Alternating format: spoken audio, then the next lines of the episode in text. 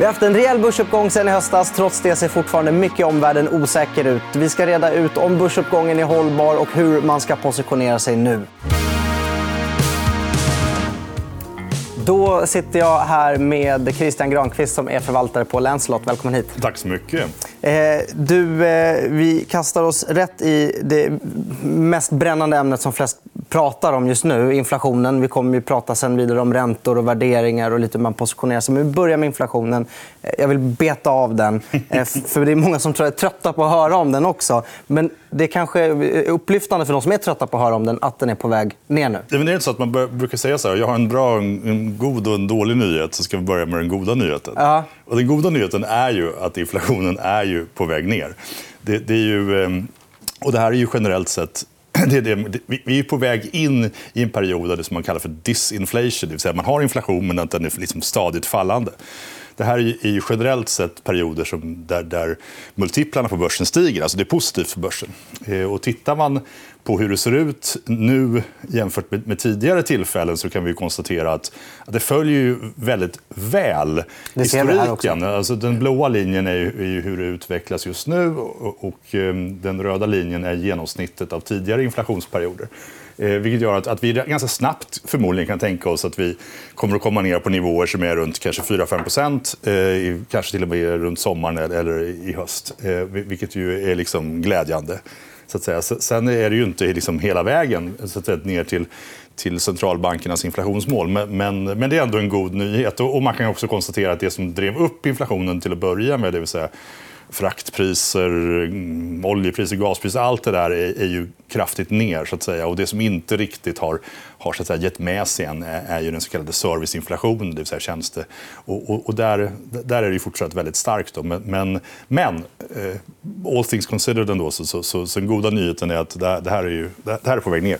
Skönt. Ja. Eh, om man ska vända på det. Då. Vi såg att fraktpriser har störtdykt, gaspriser har störtdykt. Är det bara bra eller kan det visa på en superinbromsning också som gör att det har dykt så snabbt? Ja, fast det är tillbaka till ganska rimliga nivåer än så länge. Det är liksom inte... men, det är klart att det inte är bra för alla. Eh, Nej. Men, eh, men, men fast jag tror att, att det är nog bra för alla att inflationen generellt sett kommer ner. Det tror jag. Mm. Har börsen blivit billig nu då, när ändå inflationen kommer ner?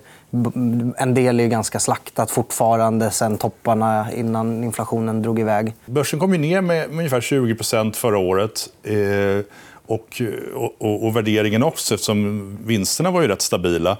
Eh, så, så, då skulle man kunna tro att börsen blev billigare. Samtidigt stiger ju då obligationsräntorna. Och, och, så den relativa värderingen på börsen har ju inte kommit ner. och Det visas ju av den så kallade riskpremien. Det vill säga att man jämför då vilken avkastning man kan förvänta sig på aktiemarknaden jämfört med den avkastningen man kan förvänta sig på, på obligationsmarknaden. Mm. Och, eh, eh, tyvärr har ju då obligationsräntorna stigit mer så att säga, än vad värderingen på börsen har kommit ner. Vilket gör att, att den, den riskpremien är på väldigt låga nivåer. Eh, det har kommit ner nästan 1% jämfört med hur det var innan. Eh, så att när börsen har gått ner har den de facto blivit dyrare relativt andra tillgångslag. Ja, det har vi också en bild på. Vi kan titta på den. Och då ska man komma ihåg att alltså när riskpremien sjunker. Det låter bra att nåt sjunker, men det är ju att det blir dyrare. Eller Ja, du, du, får mindre avkastning helt enkelt. Ja. Eh, och kortsiktigt brukar man prata om att det beror på likviditeten som, som verkar ha bottnat. bottnat. Likviditet alltså... Och det här är förändringstakten. Ska vi säga. Det är mm. mängden pengar som finns i världen. eller hur? Ja, det är mycket pengar som produceras. Ja. Så att, jag menar, Europa och USA stramar ju åt för fulla muggar, så att säga. Sverige också. Ehm, så att säga, samtidigt har vi en situation då i, som, som har kommit nu lite senare i Kina och Japan där de, ju, för att ta sig ur covid och så vidare så att säga, istället ökar penningmängden. Eh, och Japan försöker försvara sin lite märkliga penningpolitik på olika sätt. Eh, också genom att öka penningmängden. Vilket har gjort att, att, så att säga, den åtstramning vi hade förra året och som var en del av också varför aktiemarknaden gick ner och räntorna gick upp den har ju avstannat och eh, är snarare, har varit snarare på väg upp lite grann. Vilket också varit en del i, i varför börsen har varit lite piggare här och varför tillväxtaktier har kunnat men, men, frågan är, man måste ju ställa sig frågan hur, hur det där kommer att se ut på, liksom, på lite sikt. Men också, det, det, det blir ju liksom mest viktigt i det korta på något sätt. Ehm, eh, men, men eh, jag tror ju fortfarande att centralbankerna kommer att vilja strama åt det här tills det, tills det krasar lite grann. Ehm, och, och då, då ska man väl liksom inte förvänta sig för mycket än så länge av, av den parametern. Min bild är att eh, Fed och, och de andra centralbankerna tittar lite grann på börsen också. Att är den ganska stark så känner de att, de, att det finns mer utrymme att vara hökig utan att det mm. går åt skogen och lite åt andra hållet. Att de känner av lite hur börsen går. Och nu har den ju varit ganska stark. Gör det att de känner lite mer självförtroende i att vara hökiga? Eller? Det skulle de nog aldrig erkänna om det var så. Men, men eh, så att, your guess is as good as mine. Men, men ibland kan det kännas så. Jag kan förstå vad du menar. Ja. Men, men, eh, eller också är det bara att att om, om folk har köpt väldigt mycket aktier och ligger långa, och så, då är de mer känsliga för ett uttalande för, för vad centralbankerna säger. Det kan ju vara så också. Så det, jag vet inte om det är hönan eller ägget. men, eh, men, men någon typ av, av så att säga, connection finns det ju såklart. Mm. Men för att sammanfatta lite det vi har pratat om hittills. Då, så att det positiva är att inflationen har pikat. Eh, men det som då är lite jobbigare är att börsen fortfarande inte är billig bland annat. Eh, så. Men eh, en annan grej som vi kan titta på är yieldkurvan som alltid är intressant. Eh, för vi måste också reda ut hur stor recessionsrisken är här. Men man ska också komma ihåg att det, det vi säger är att, att börsen inte är billig jämfört med obligationer. Det kanske mm. är så att obligationer är jättebilliga. Det kanske är så att det är där det stora värdet är. Det vill säga att om du kan få 4 eller 5 på en, på en obligation idag, det kanske är jätteattraktivt. Och så då kanske aktier är lite attraktivt men inte lika attraktivt som, som obligationer. Men såklart så, så, så, så räntemarknaden har en väldigt tydlig bild på vart det här ska ta vägen som lite grann skiljer sig kanske från aktiemarknaden som lite grann rör sig i en riktning att säga att det här går ju bra. Det är ingen krasch, det är ingen... Eh, det, det, det, det tuffar på och, och, vinsterna håller sig hyfsat. Och, och, eh, vi klarar det här och, eh, ja, och inflationen är på väg ner. Arbetslösheten ser Arbetslösheten ut. börjar liksom, ja, fortfarande... Ja. Mm. men, men, men den indikation som, som räntemarknaden eh, brukar använda, den så kallade yieldkurvan, och jag vet att det här kan många tycka är lite uttjatat, men, men kort, yieldkurvan är skillnaden mellan långa och korta marknadsräntor. Och, och i princip så är det ett mått för att se så att säga, om framtiden ser ljusare ut eller mörkare ut än, än, än vad det är idag. Och det har varit en indikator som har varit bäst historiskt på att förutspå recessioner. Så varje recession som vi har haft sedan andra världskriget har föregåtts av att yieldkurvan då blir inverterad.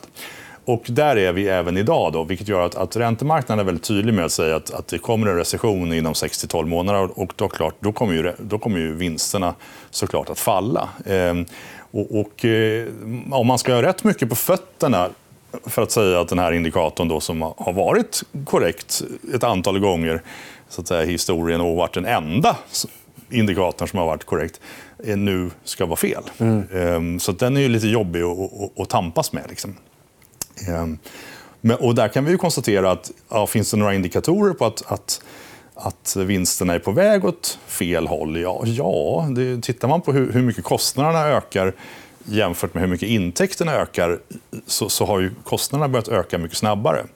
Och, det här är ju en dålig indikator. Det betyder att marginalerna kommer att falla och det betyder också då att med största sannolikhet att, att företagen kommer att säga upp en massa folk för att de måste dra ner på kostnader. Och den enklaste kostnaden att dra ner på är kanske personal. Och då har vi ju liksom en slags situation där, där, där vi rullar in i, i, i en så recessionsscenario. Egentligen. Och, och, och, det här är liksom ganska dramatisk eh, så att säga, skillnad från, från bara för nåt år sedan. Och, och, och, på samma nivåer nu egentligen som, som vi var under Lehman-perioden, alltså 2008. Mm. Så det, det, det, det, är liksom, det stödjer väl i, i så fall då, eh, räntemarknadens syn att, att det här inte över än. Det här går åt fel håll helt enkelt. Mm. Ehm, och vi har, det kommer att bli värre innan det blir bättre. Och det såg vi, ser vi en bild här också på, eh, som du säger, att det, eh, kostnaderna stiger mer än intäkter i paritet med hur det såg ut under Lehman-krisen. Ja, lite mörkt. Ja, så det är lite tråkigt. Eh, och, och sen kan man också vara så här, konstatera att hur har det sett ut historiskt med, med när efter en börsnedgång har så att säga, vi, vi, vi fått en, en mer varaktig uppgång? Vad har, liksom, vilka indikatorer har varit tvungna att, att ramla på plats? Så att säga? Och, och, och där kan vi ju också se att historiskt så, så har det ju egentligen aldrig riktigt hänt att en ny börsuppgång har inletts innan Fed har börjat sänka räntorna. Just det här är en sån, de, de gråa fälten visar på den här bilden visar ju recessionerna och sen så den röda linjen är där börsen bottnar och den blåa linjen är då där Fed-räntorna, det vill säga att när den är på väg ner då har Fed börjat sänka räntorna och det sker alltid innan börsen bottnar. Mm. Och där är vi inte idag, utan än så länge höjer ju Fed fortfarande. Eh, vilket ju skulle tala då för att, att eh, vi riskerar att åtminstone kanske återtesta de bottnar vi, vi har sett eller också åtminstone att det åtminstone inte varaktigt kan gå upp särskilt mycket härifrån. Men, men eh, som sagt, vem vet? Eh, men, men, om man tar historien som guide så, så är det det man ska vänta på. Den försiktiga väntar väntan nog tills Fed eh, börjar sänka. Och då är det klart, då är man tillbaka till det här, vad ska man köpa istället då? Ja, då kanske man ska köpa obligationer. För att det är klart att om det blir en recession eller om Fed börjar sänka, då, då går ju räntorna ner och då får du en bra avkastning på, på obligationerna. Så att eh, den försiktiga eh, köper obligationer idag. Mm. Eh, och kan ändå få en bra avkastning på det. Jag tänkte säga, om man köper obligationer men har fel, eller vad man ska säga om att det inte blir att räntorna ska ner så mycket mm. så har du ändå ganska fina gilder. Mm. Precis. Helt om... plötsligt. Det hade du inte för tre år sedan. Nej. Nej. Men såklart, om det fortsätter stiga så, så, så får du ändå i alla fall kortsiktigt lite negativ avkastning. Men, men... Har du köpt obligationer? Nej. Nej. Jag är ju aktieperson. Ja. Så att, så, så att, men, men, däremot har jag köpt någonting som, som kan gynnas i den här miljön. Ehm, och, och, som är som en slags hedge mot det här.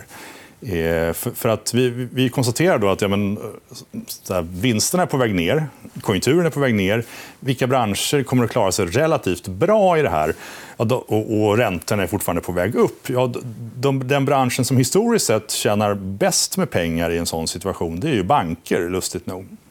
Eh, det, det, är ju nämligen så att, att eh, jag vet inte hur många gånger Riksbanken har höjt räntan, eh, men jag tror att jag fortfarande har noll i ränta på mitt lönekonto. Och vilket gör ju att, att eh, de här pengarna kan ju banken glatt eh, återinvestera på, på, på obligationsmarknaden och tjäna bra med pengar på. Så att säga. Och därför stiger marginalerna i banksystemet när räntorna är på väg upp. Och lite kanske mot bättre vetande. Men, men Eh, vilket gör att, att, så att bankmarginaler i den här perioden tenderar att klara sig bra jämfört med många andra branscher. Risken med att köpa banker i en sån här situation är ju förstås att vi går rakt in i en ny bankkris. Och den måste man ju ta sig en funderare på förstås. Eh, och, och där får man också titta på historien, hur det har sett ut. Då. Så kan vi konstatera att den värsta bankkrisen som vi har haft på senaste åren, ja, det är den som, ha, som var runt Lehman Brothers. Då. Och, eh, den föregicks av en period av, av, väldigt hög lånetillväxt. Det här är ju amerikanska banksystemet. Då, då, hade, då hade det amerikanska banksystemet en, en genomsnittlig lånetillväxt under perioden 2001 till 2008 på 8,5 procent.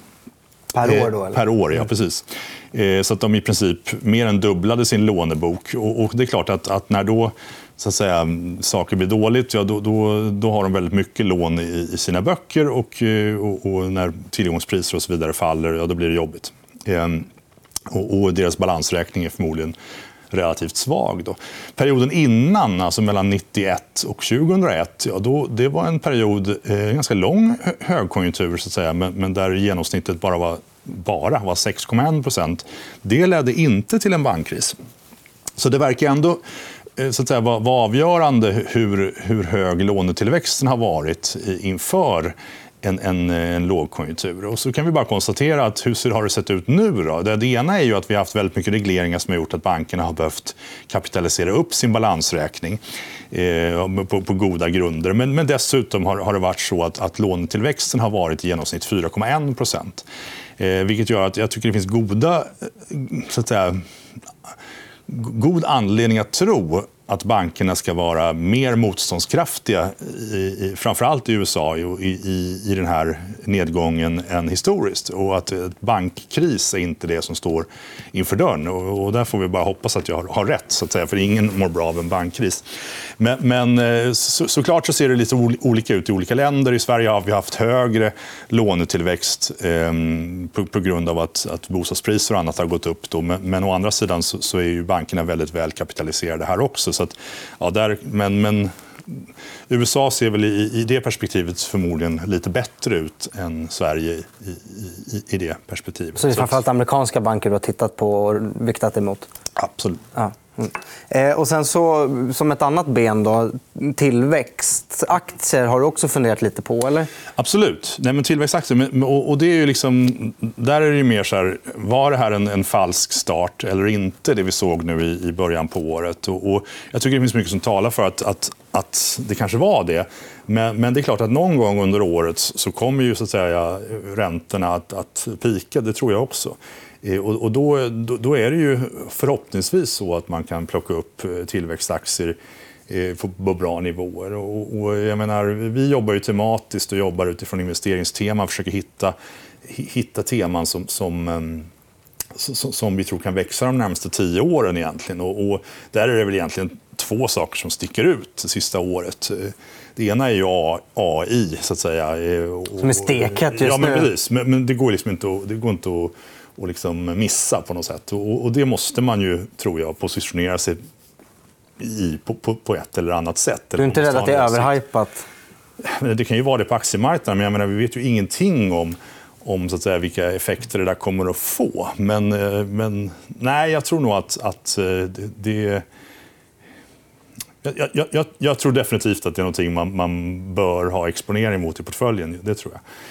Ehm, men, och det andra är ju förstås så att säga, energitransitionen och, och kanske framför allt där mer i, i Europa, så att säga, där, där vi ju så att säga, vi, vi, ser ut som att vi klarar oss över vintern här utan en större katastrof. Men, men det strukturella behovet av, av så att säga, energi, energibehovet finns ju kvar. Och, eh, och behovet av att, att eh, öka mängden eh, förnyelsebar el och, men också förstås att effektivisera på olika sätt Eh, el och energisystemet. Så, att, så det är väl de två tillväxtområdena där jag letar främst så att säga, i, i, i att se ifall vissa aktier kan komma ner under året här om, om, och eh, fortsätta bygga på, på de positioner också, som, som jag tror på. Mm. Kul. Eh, tack så hjärtligt för att du kom hit. Eh, innan jag släpper det helt, om du vill bjuda på bonusmaterial till tittarna eh, kan inte du berätta historien om hur det kom sig att du började med fonder från början? ja, men nu sätter du mig lite på pottkanten. Men, eh, nej, men nej, det, det, är riktigt. Vi, vi började den med, med, när jag var 26 så ville jag bli, bli tangosångare och flyttade till Buenos Aires. Eh, och, och ehm, eh, och, och, det gick inte så bra, för, i, i, för att vara tangosångare i Buenos Aires, i alla fall på den tiden, så var man tvungen att vara över 75 och definitivt inte europé. Så att jag fick åka hem med, med svansen mellan benen, och, men hade skrivit min C-uppsats om den argentinska valutareformen. Och I samband med det så var det en väldigt fin och välrenommerad bank som startade den, den eh, första, eh, första Latinamerikafonden. Och då tänkte jag att det var ju som klippt och skuret för mig, så det jobbet sökte jag. Ehm, och tyckte att jag var helt eh, perfekt för det jobbet. Men det visade sig dessvärre vara tillsatt, ehm, fick jag höra. Och, eh, men istället fick jag ett annat jobb eh, i, i, i samma fondbolag. Så, att, så, det var så att säga storyn i det korta för, för, hur jag hamnade i branschen. And the rest is history. Från tango till fondförvaltning. Ja, det är suveränt. Och du är fortfarande kvar i fondförvaltning, så du måste ha tyckt det var kul. Absolut. Ja. Och jag har fortfarande tangorabatt. Hjärtligt tack för att du kom hit, Christian Granqvist. Tack så mycket. Du har lyssnat på EFN Marknad, en podd som produceras av EFN Ekonomikanalen. Du hittar programmet även i videoformat på Youtube och på efn.se. Kom ihåg att prenumerera på podden och följ oss gärna på Instagram för fler aktietips. Där heter vi EFN Aktiekoll. Ansvarig utgivare är Anna Fagerström.